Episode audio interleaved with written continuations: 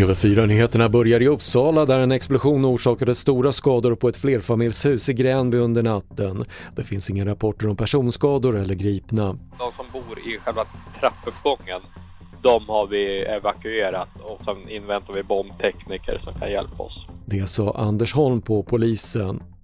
Och moderatledaren Ulf Kristersson sa i gårdagens partiledarutfrågning i TV4 att han inte vill ha med Sverigedemokraterna i en eventuell regering. Detta trots opinionsmätningar som visar att SD gått om M som andra största parti. Det är Moderaterna som är samlingspartiet i svensk politik på min sida. Det är vi som kan få ihop partier, det är vi som har, har fått ihop partier till gemensamma ställningstagande. Det är vi som kan samla ihop och få någonting gjort.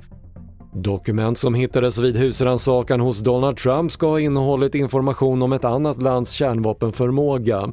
Enligt Washington Post ska säkerhetsklassningen på vissa dokument varit så hög att bara presidenten och hans närmaste medarbetare haft behörighet till dem.